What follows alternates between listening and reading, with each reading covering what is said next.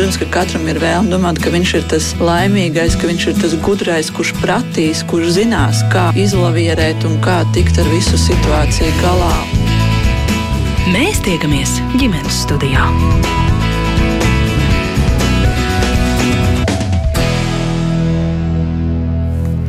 Labdien! Ir sācies labdarības maratons, dod pieci, ka viens var atbalstīt sievietes, kuras ir gatavs pateikt nē vardarbīgām attiecībām, bet nespēja to izdarīt, jo nepietiek līdzekļu, lai uzsāktu patstāvīgu dzīvi, kurā nesit, neapvaino un nepazemo.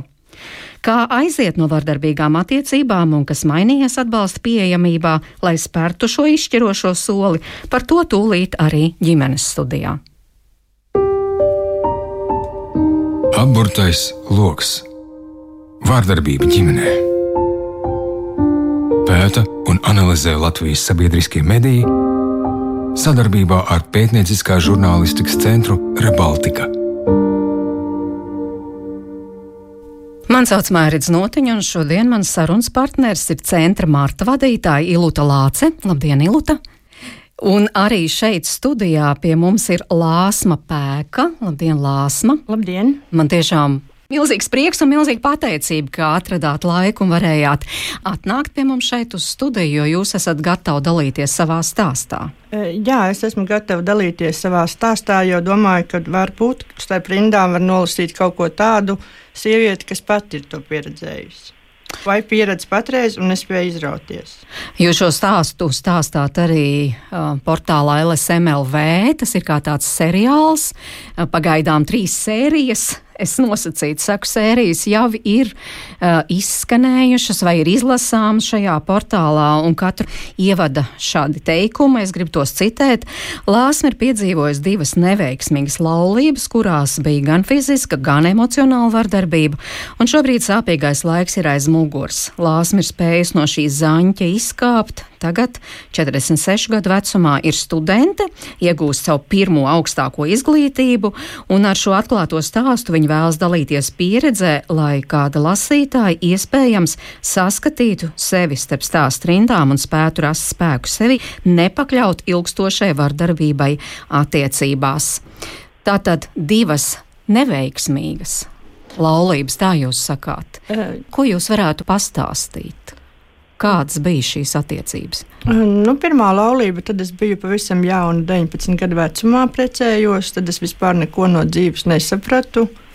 Um, gribēju studēt, diemžēl vecāki mani morāli neatbalstīja, uzskatot, ka um, um, specialitāte, profesija, žurnālistika lauku bērnam nu, nekādīgi nebūs noderīga dzīvē turpmāk, un rakstnie, rakstu darbi ir nieki. Uh, Un, um, mans dumpīgais raksturs lika manai mammai būt priecīgai par to, ka var izdot savu meitu pie vīra. Nu, tajā brīdī taču arī jūs noteikti bijāt tādās uh, septītajās debesīs vai ar rozā brillēm. Nu, Vienalga, nu, droši vien, ka es biju ar rozā brillēm, jo mēs bijām pazīstami kopš 16 gadu vecuma no tehnikuma laikiem.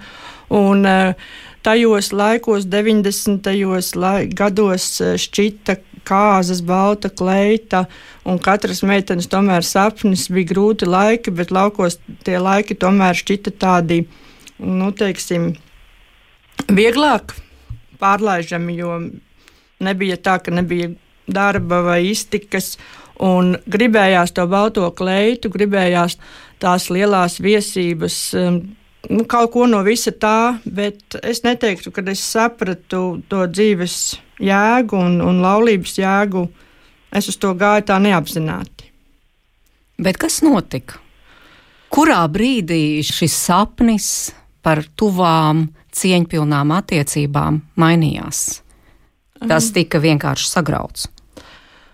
Es domāju, ka tas uh, um, tika sagrauts jau pirms laulībām, jo manā pirmā vīra agresija izpaudās jau pirms laulības. Tikai, kā, kā izpaudās? Nu, viņš man bija vienu reizi tā nejauši tā iesits, tā man šķita nejauši.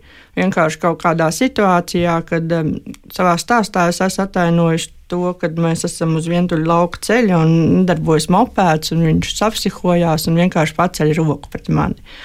Un eh, pēc tam tas neatkārtojās, bet ar laiku pēc kāzām, jau pēc laulības, viņš aizvien vairāk izrādīja savu agresiju, neapmierinātību par sadzīviskām lietām, par, nu, par, par jebko, par, par mm, nepareizi izceptu gaļu, piemēram, par, um, par to, ka um, meitai varbūt nav uzvilkts pareizās zeķes kājās. Nu, tādi sadzīviski sīki nieki, kuri eh, vēlās, vēlās un pārauga agresijā, un klāt nāk alkohols. Un, un, un tas viss viņā izraisīja tādu neapmierinātību ar dzīvi, ko viņš, var teikt, izlādēja uz mani. Cik ilgi tas vilkās? Mūsu laulība bija desmit gadu garumā. Eh, teikt, ka tas bija katru dienu, es nevaru. Uh, bet uh, tomēr visu desmit gadu garumā viņš emocionāli un pēc tam jau arī fiziski man ietekmēja. Bet, jo, jā, bet jūs atceraties to brīdi, kad jūs pateicāt stop, tā vairs nebūs? Uh, Tas brīdis nebija tāds, kad uh, apzināts, tas bija izmisuma solis naktī, kad es gribēju vienkārši uh, izdzīvot. Es sapratu, ka man ir jādodas projām, kad es gribu dzīvot pirmā laulība beidzās tā. Jā. Tas nozīmē, ka tā agresija jau bija pāraugusi tādā jā. pakāpē, ka jūs jau runājat nevis par dzīvošanu, bet par izdzīvošanu. Jā, jā tieši tā agresija bija pāraugusi tādā pakāpē, kad es sapratu, ka man ir eh, jādodas projām, ja es gribu dzīvot. Tieši tā. Kāds notika? Eh, nu, kārtējo reizi, kad viņš bija neapmierināts un, un bija.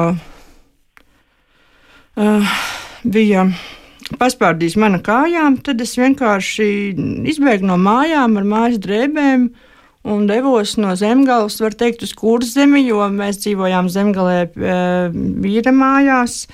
Un manas dzimtās mājas ir kurzemē. Un es vienkārši aizgāju, jā, vienkārši naktī ar, ar mājas drēbēm.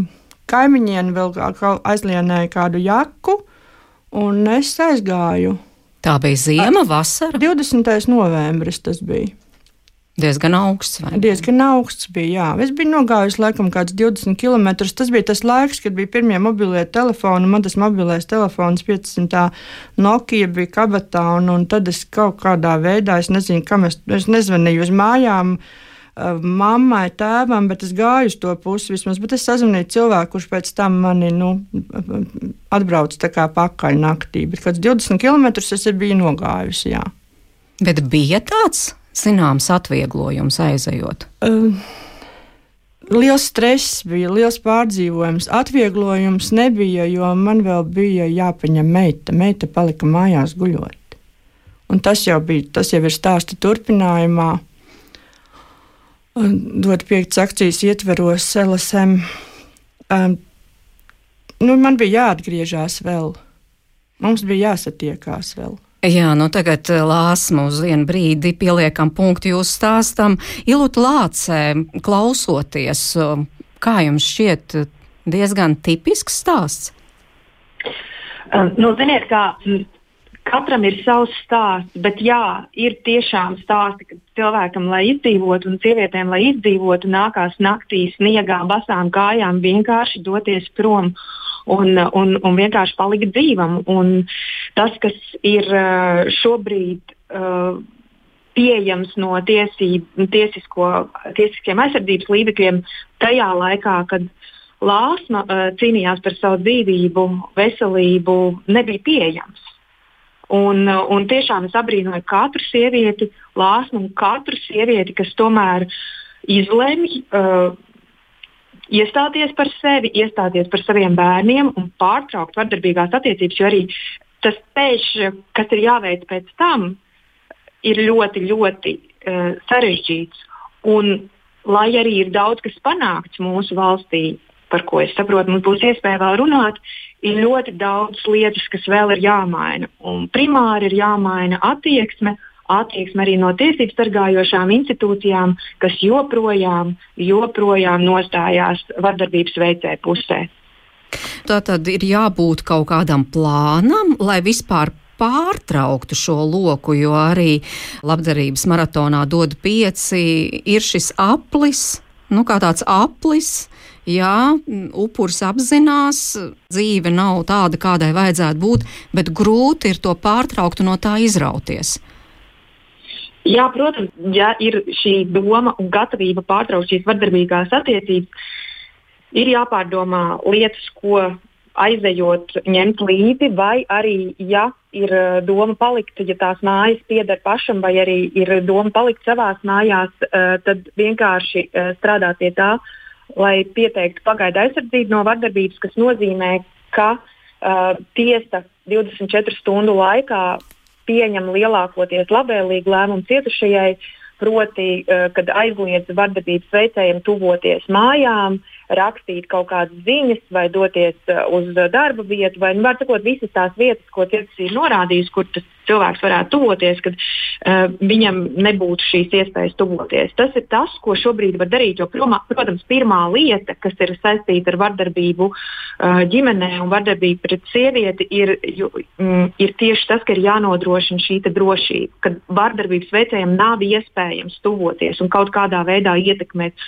Un, lai arī mēs esam izcīnījuši kaut kādas lietas mūsu valstī, tomēr uh, nu, jāstrādā vēl pie tā, lai tas pēc, pēc būtības tiktu izdarīts. Jo, uh, protams, uh, daudzas sievietes, kurām tiek piemērota arī šī pagaidu aizsardzība pret vardarbību, um, piedzīvo to, ka šis vardarbības veicējs to neievēro. Un vienalga meklē atpakaļ ceļu pie viņas un meklē veidu, kā ietekmēt šo sievieti, jo viņam ir daudz daudz, kā teikt, diedziņu aiz ko paraustīt šo cietušo savā klāstā saistībā gan ar bērniem, kas ir kopīgi, gan ar uh, izmantojot to, ka sieviete ir ekonomiski ievainojamākā situācijā. Tas, ka visticamāk arī šo attiecību laikā ir zaudēti kādi tuvi un mīļi cilvēki, draugi, no kuriem viņš ir izolējis tieši šādā veidā emocionāli pazemojot, norādot, ka šie nav tie cilvēki, ar kuriem tikties. Un tādā veidā tas, nu, teikt, tas cietušais principā paliek diezgan viens Uh, un, un ir jābūt ļoti lielai drosmei, lai, lai nu, kaut ko darītu sav, savas lietas labā. Un, Viens ir šī pagaidā aizsardzība, kas ir tiešām jāizmanto, uh, un otrs ir, protams, uh, ir jāraugās, uh, ja tā, tā persona tuvojās, uh, jāzvan policijai, uh, jā, jāziņo, ka šī persona tuvojās. Un, protams, gribētos, lai policija ievērotu uh, un būtu atbildīga par to, ka tur atstāts šo vardarbības veicēju. Bet, diemžēl, tas, ko mēs Latvijā esam pamanījuši, policija to nedara nevienmēr dara. Es nevaru teikt par visiem policistiem, bet uh, nav tā. Viņi varbūt ierosina kaut kādas lietas pret, pret vardarbības veicēju, bet principā nav tā, ka viņi tiešām uzrauga šo lietu. Un kas ir mm. ļoti bēdīgi, ka pats tiesneši nereti uh, zvana vardarbības veicējam un jautā, nu, jūs taču tur esat atpakaļ pie tās sievietes, vai tiešām uh, vajadzīga tā pagaida aizsardzība uh, un tā tālāk. Kaut gan tā būtu tiesību sargājošā sistēma, kurai būtu jāatrod veids, kā turēt šo vardarbības veicēju nostatus. Jā. Šādā gadījumā, šādā gadījumā, ja tas, nu, kā teikt, arī tiesību sargājošā sistēma ir uh, teikt, izgāzusies palīdzības sniegšanā, tad, protams, ir jāmeklē šis anonīmais patvērums. Mm -hmm. un, protams, Jā, bet mēs apstājamies, tomēr izrunājam šo vienu lietu un pēc tam runāsim par anonīmo patvērumu.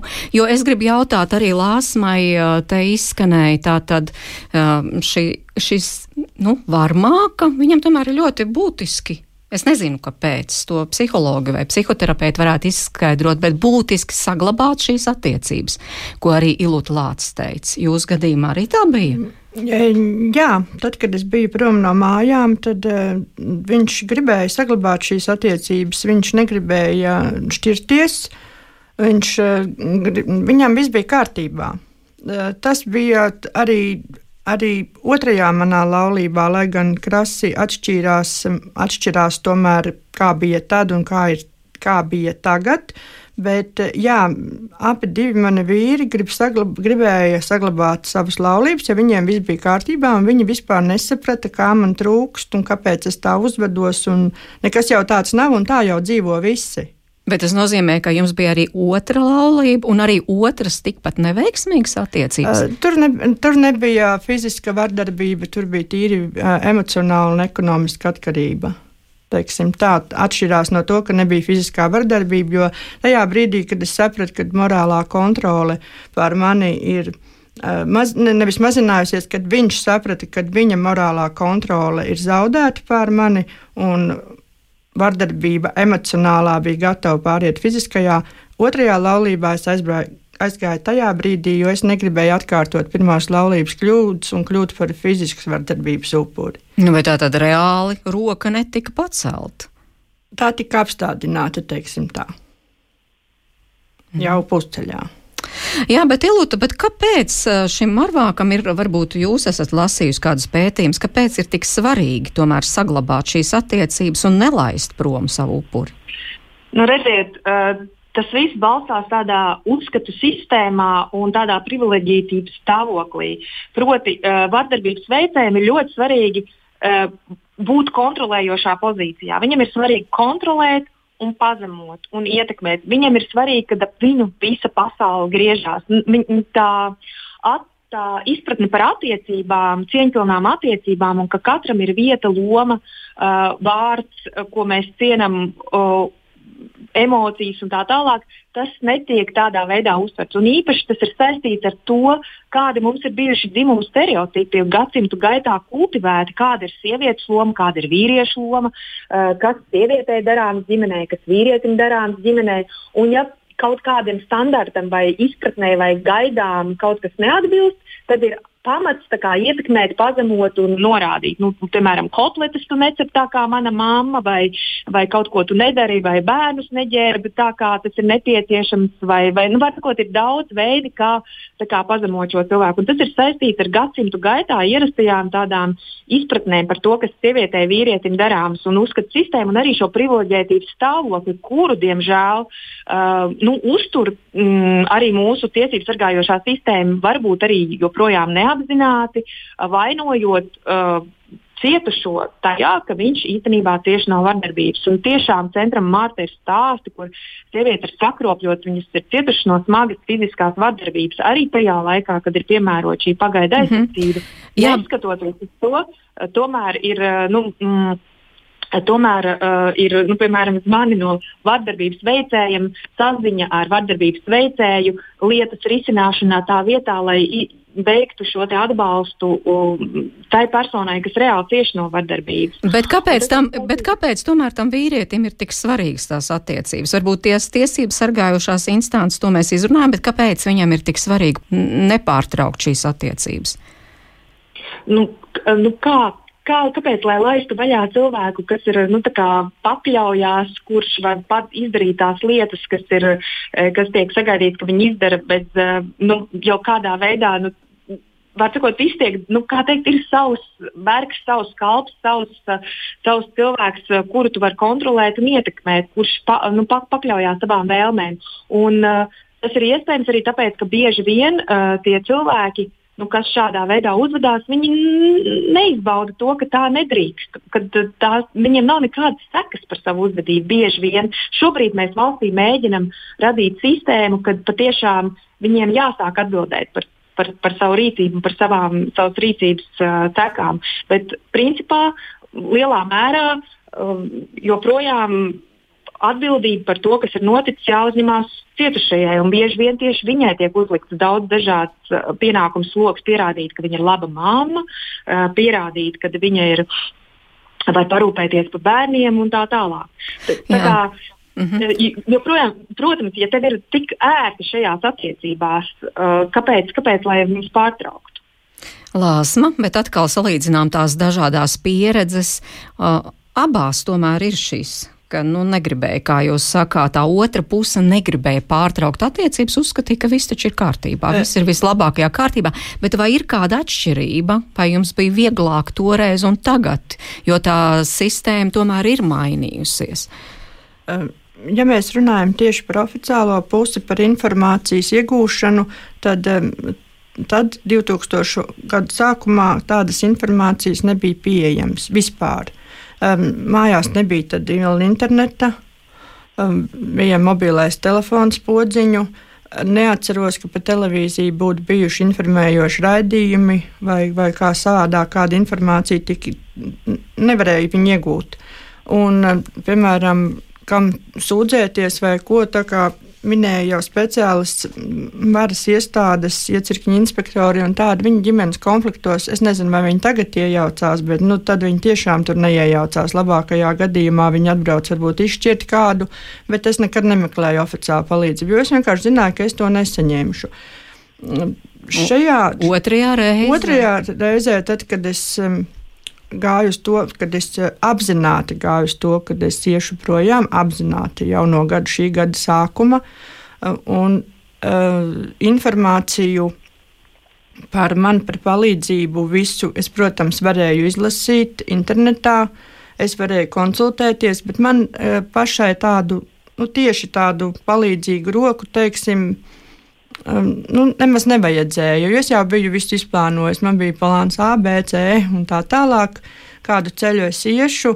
Pirmais, ko es izdarīju, es sapratu, ka man vajag augstāko izglītību noteikti, lai es varētu tikt uz augšu, lai es varētu sevi nodrošināt. Un, un pirmo es izdarīju, iesniedzu budžetā, budžetā um, dokumentus un arī tiku budžeta grupā. Un, un tad jau es apzināti gāju uz to, ka, kad man ir eh, jāiet prom no mājām, ka man ir jāiet atsevišķi, es jau rēķināju, kā es varu iztikt, eh, kā, kur es varēšu strādāt, kā es varēšu apvienot to ar studijām. Un, un, un man tas pilnībā atšķīrās no tā, kad es aizgāju izmisumā, eh, negaidot pašai sev, vienkārši grib, gribēdam izdzīvot. Šis, šīs otrais solis atšķīrā, atšķīrās ļoti, ļoti no tā pirmā. Tā. Jā, bet tas, kas palīdzēja, kā jūs teicāt, ka tā informācija. Informācija, iedrošinājums, vismaz man nevajadzēja oficiāli palīdzību, man nevajadzēja kaut kādu patvērumu vai ko. Man bija bijušā kolēģi, kas man izmitināja, padzīvoja arī kā students, studentu kopmītnēs universitātē.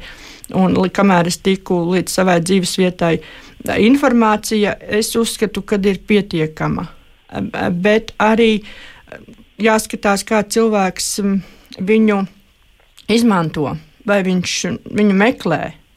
Jo jā, ir jāmeklē tomēr pašiem tā informācija. Tagad ir arī ļoti daudz par televīziju, radio runā. Radio viens nepārtraukti par to tagad runā, dod pieci akcijas ietveros. Un, un iespējams, ka par to ir jārunā ne tikai akciju ietveros, bet arī ikdienā kādos konkrētos raidījumos, vai, vai kā, bet informācija ir pieejama. Jā, es piekrītu, ka viņa ir pietiekama, tikai e, upurim ir jāsaprot, kad vajag aiziet, kad var aiziet. Un tad, tad, tad viss notiek. Vai tas tik vienkārši, jo tomēr nu, jāturpina jau sava tālākā dzīve, kā jūs sakāt, ir, ir jādzīvo, ir jāatrod darbs, ir, ir jāpelna, ir kaut kāda dzīves vieta jāatrod. Nu, tie ir tās praktiskās tas lietas, nav... tās ir gūzma. Gūzma tas, jautājumi. Tas, tas ir, jā, gūzma jautājumi, tas nav, tas nav vienkārši, bet uh, nu, mēs tomēr neesam vieni paši šai pasaulē. Nu, mums ir radi ģimene, draugi.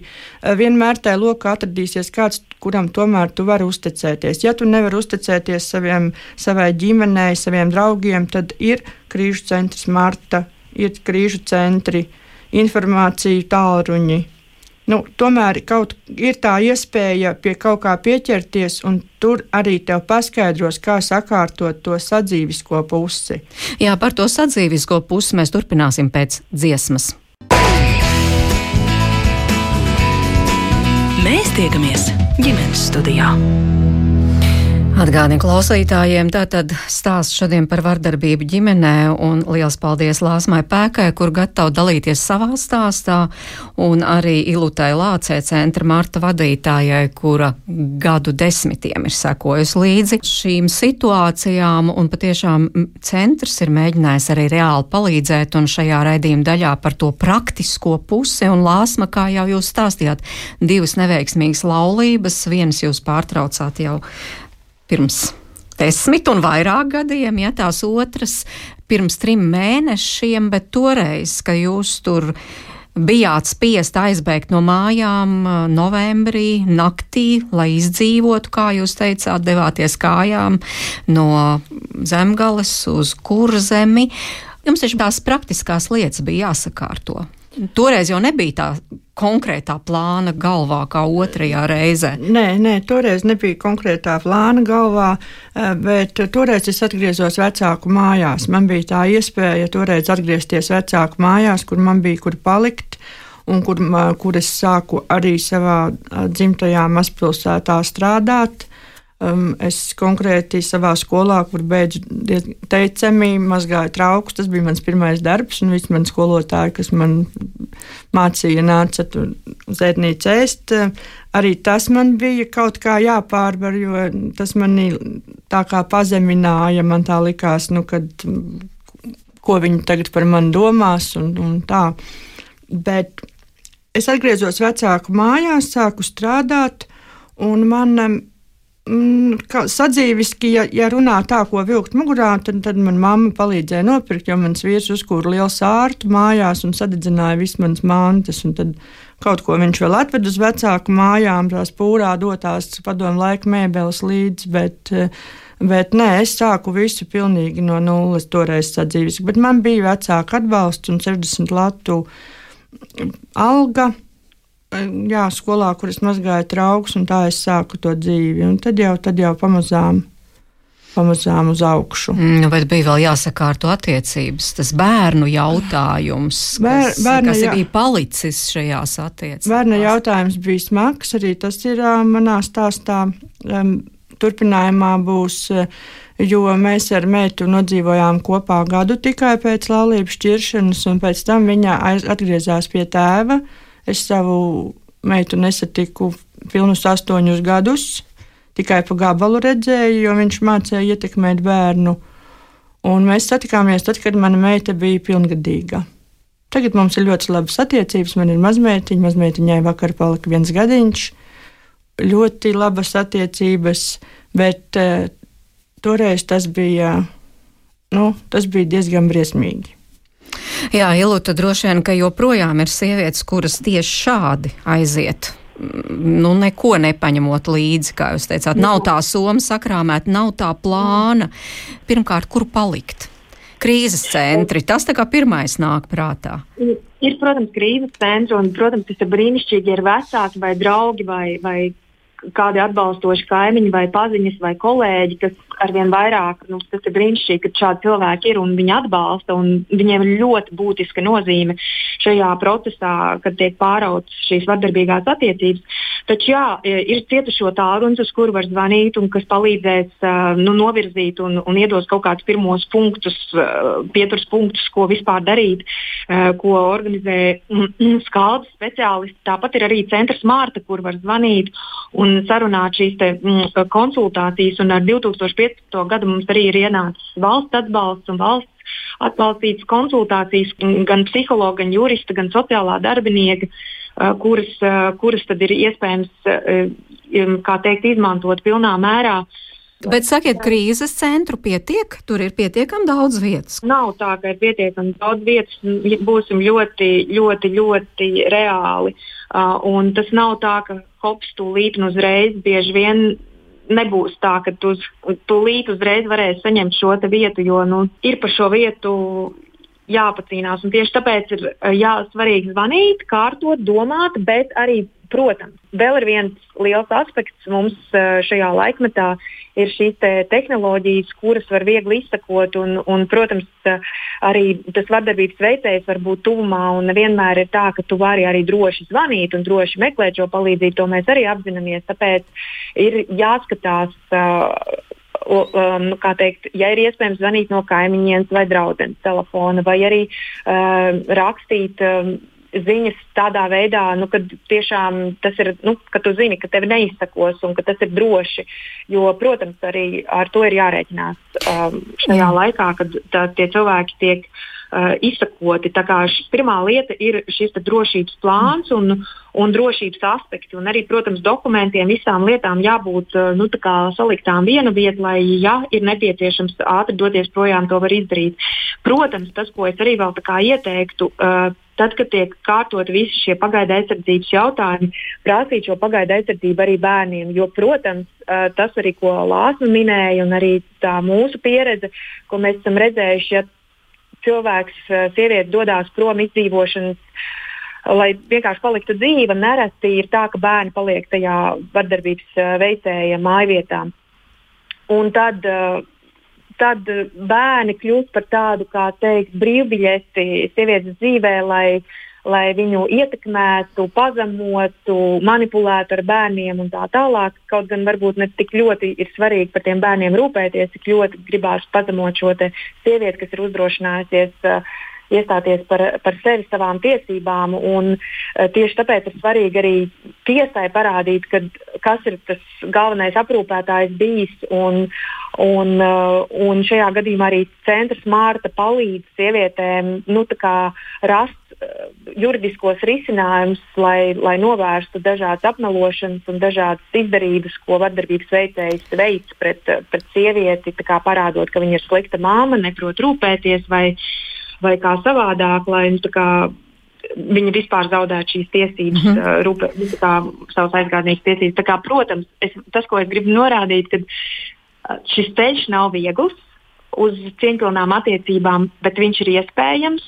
Un šobrīd patiešām ir jau tā, ka ir organizācijas un, un ir atbalsta iespējas mūsu valstī. Arī krīzes centri ir vieta, kur, kur kā jūs sakāt, var gan to sociālo Jā. palīdzību, gan psiholoģisko palīdzību, gan pajumu sameklēt, bet eh, ģimenes studija Jā. arī sazvanījās ar Allašu krīzes centra vadītāju Ailitu Ziemeli, pajautājot īpaši šajos pandēmijas apstākļos, vispār ir iespēja tur patvērties, nu lūk, viņas atbildi klausāmies. Mēs sniedzam šo pakalpojumu tagad jau trešo gadu. Un gada laikā mums aptuveni vidēji ir desmit sievietes, kuras pie mums pavada tās 30 dienas, ko apmaksā valsts un saņem palīdzību. Ir sievietes ar bērniem, ir bez bērniem, dažāda vecuma.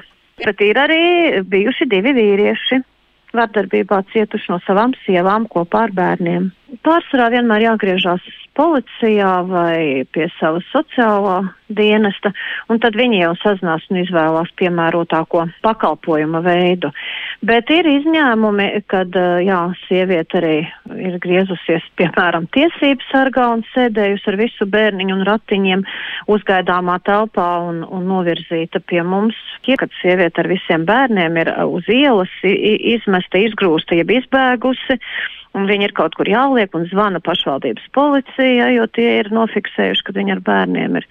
Un, un lūdzu uzņemt mēs nu, savu iespēju robežās vienmēr praktiski. Es neatceros gadiem, kad mēs būtu atteikuši. Līdz šim jau vietas pietiek mums, bet ja būs kāda situācija, nu, kad būs jāuzņem desmit un vairāk, tad mums būs nu, saspringtāks šis laiks, jo karantīnu iziet vieni, viņi ir kaut kādā noteiktā karantīnas iziešanas posmā, teiksim, kādā sestajā dienā, kad var atvest jaunus klientus, un tie ir vēl jānovieto atsevišķi.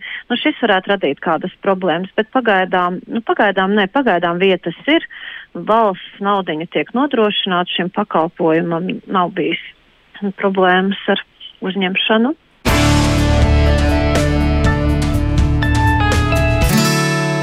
Nu, Tālūk, Allaža krīzes centra vadītāja Ailita Ziemele, cik man zināms, tur ir tāda privilēģija, ka ir divas mājas un arī pandēmijas apstākļos ir iespēja tad kaut kā variēt, tur, uh, nu, nodrošināt šo karantīnu vai visu citu nepieciešamo. nepieciešamo. Un, Ilūti, jūs teicāt, kopumā pietiek to krīzes centru, jā? Ja?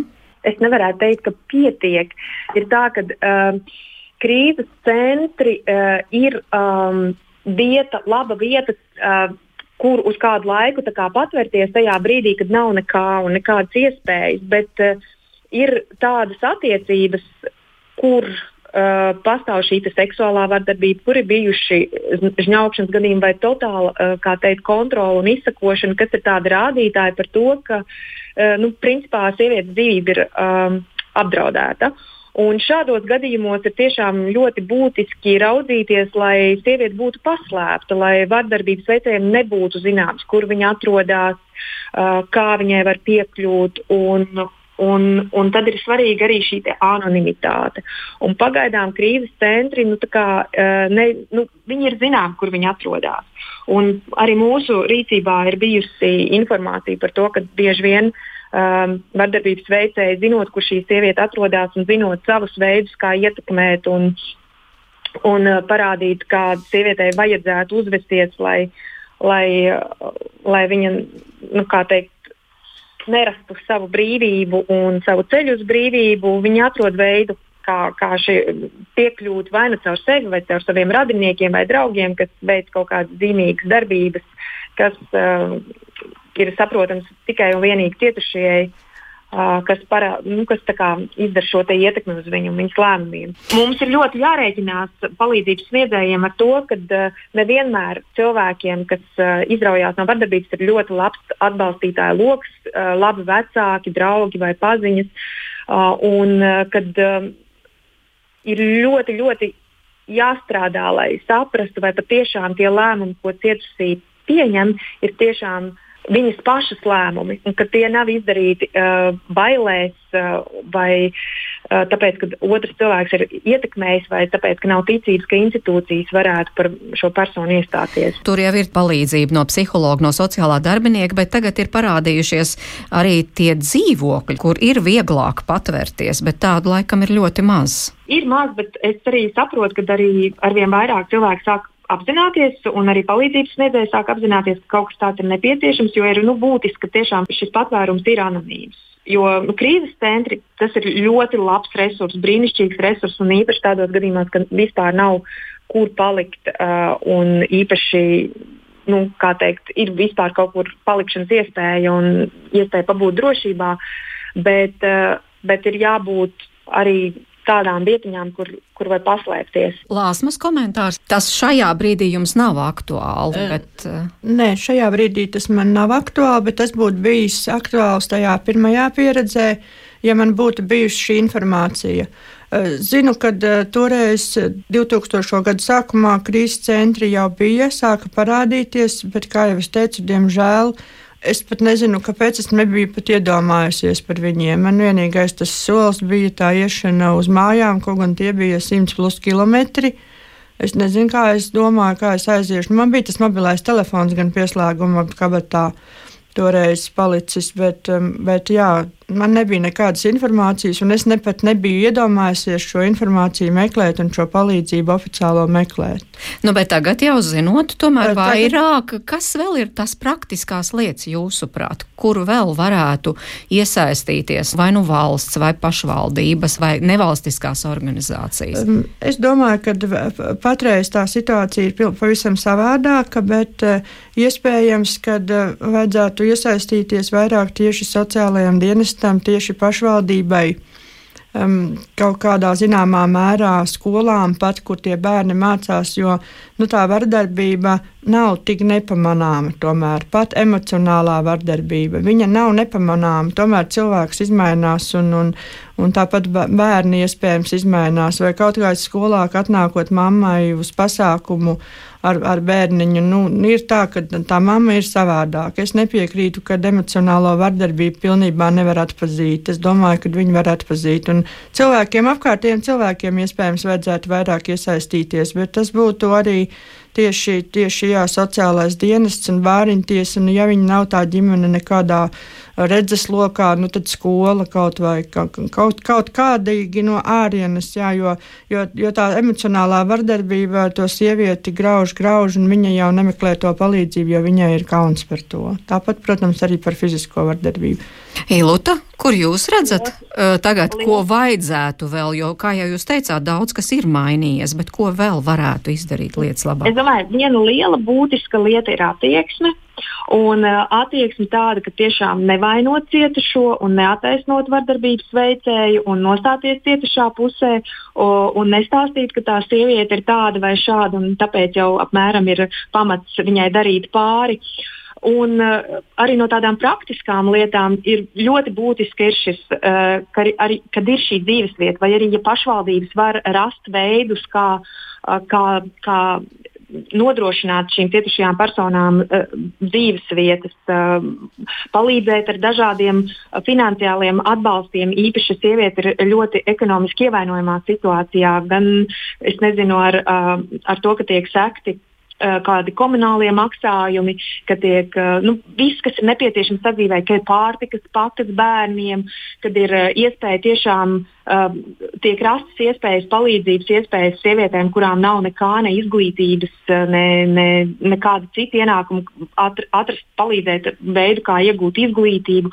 Daudzas tādas lietas, ko mēs kā centrs Mārta, nu, skatoties katru individuālo situāciju, mēģinam uh, uh, saprast, kas ir kas un, un ko var izsināt. Un, jebkurā gadījumā tas, kas ir nepieciešams, stiprināt šo iekšējo spēku un iekšējos resursus, kas katrā no cilvēkiem mums ir, un, un dot šo caur savu rīcību, caur savu pozitīvo un atbalstošo rīcību, dot šo signālu, ka mēs esam ar, ar tevi un ka mēs palīdzēsim. Un, ja ir cilvēkam cilvēkam, kas cieši no vardarbības, bieži vien ir veselības problēmas. Veselības problēmas gan kas ir um, fiziskās vardarbības rezultātā, gan arī ilgstošas emocionālās vardarbības rezultātā.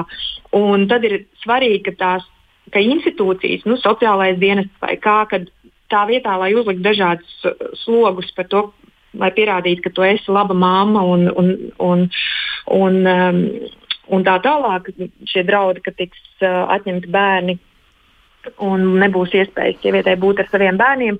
Tos novērst ja, un tā vietā nodrošināt reālu, reālu atbalstu saistībā ar savu veselības, jau, savu veselības jautājumu. Kā, uh, risināšanu, sakārtošanu. Protams, šis atbalsts ir vajadzīgs, bet viss tomēr sākas ar pašu cietušo, ar to viņa vēlmi kaut ko mainīt savā dzīvē, vai tomēr palikt vardarbīgajās attiecībās. Lēsma, kā jūs stiprinātu tās vai tos, starp citu arī tos, kuri klausās un kuri varbūt grib izrauties no aburtā loka. Kā jūs stiprināt viņus tieši? Nu, ir jāsaprot tā sava, tas savs emocionālais stāvoklis, jo esot uh, vardarbīgās attiecībās, vai tā ir fiziskā vai emocionālā, vai abas divas kopā, tu jau jūties kā cilvēks, nu, nu pilnīgi tukšs, pilnīgi tukšs, nu, sag, sagrausts. Es, es pat nevaru to stāvokli aprakstīt. Nu, tu jūties nevērtīgs, vienkārši nevērtīgs, ka tev tavā dzīvē nav pilnīgi nekādas vērtības. Un tad ir tas jārod tas spēks, kad uh, var būt savādāk ka tas, tas ceļš ir jāatrod katram pašam savs. Nav, nav viena ceļa izējai ārā no šīm attiecībām. Nav. Jā, vienam būs grūtāk, vienam būs vieglāk. Tas ir atkarīgs no rakstura, no, no materiālā stāvokļa, arī no to, vai tev ir kāds atbalsts no ģimenes, vienalga no kuras puses. Bet nekad nav tā, ka tu nevari to soli spērt, nu, tu nevari arī sākt. Ir jāsāk, ir jā, pašam sevi, nu, sevi ir jāsāk cienīt. -hmm. jā, un tas mainās. Tad, tas mainās. Jā. To loku, tad, tas mainās. Tas mainās. No sākuma būs grūti, ļoti grūti. Emocionālās fāzes. Es noteikti vēl neesmu otrajās attiecībās, tagad galā, ceļa galā. Es neesmu ceļa galā. Ne jau tikai tāpēc, ka nav laulība oficiāli šķirta, bet emocionāli.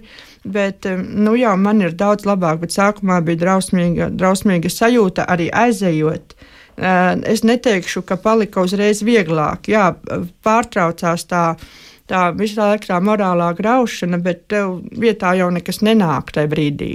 Tu esi viens, nu, tu esi viens pats, tomēr viens pats, jā, tajā brīdī. Un, un, un tad ir vajadzīga tā psiholoģiskā palīdzība, kas ir jālūdz un kas saprotu, kas pienākās arī par brīvu. Un, un tas palīdz atgriezt tevi atpakaļ, ja tu pats ar sevi netiec cilvēks galā. Bet ir cilvēki, kas, protams, var savākties paši, un tas ir apsveicami, bet ir jāsāk tikai un vienīgi ar to, ka var būt labāk. Un kā ir labāk jūsu dzīvē, jūs esat sākusi studēt, ir piepildījies sen lolotais sapnis, un, jā. un viss lēnām mainās. Viss ne? mainās lēnām, jā, un arī man es arī biju tādā kā tomēr ekonomiskā atkarībā, jo es nestrādāju, man vīrs negribēja, lai es strādāju. Un, un, un man tagad ir darbs, un, un, kas ir saistīts tomēr ar manu izvēlēto specialitāti arī, lai sāktu no pašas apakšas. Un, un, Jā, un es atradu arī darbu. Es meklēju, un, un viņi atradu. Lai arī tas nav ļoti labi atalgots darbs, bet ar kaut ko ir jāsāk, un, un, un viss, viss sakārtojās. Jā. Arī emocionāli. Paldies bērnam. par iedvesmas stāstu Lāsmai Pēkai, paldies arī Ilutē Lācē no Centra Marta par komentāriem un paldies, protams, jums, ka klausījāties raidījuma producenta Ilza Zvaigzne. Es mērķis notiņa bija pie mikrofona un lai jums labs, jauks dienas turpinājums. Visu labu!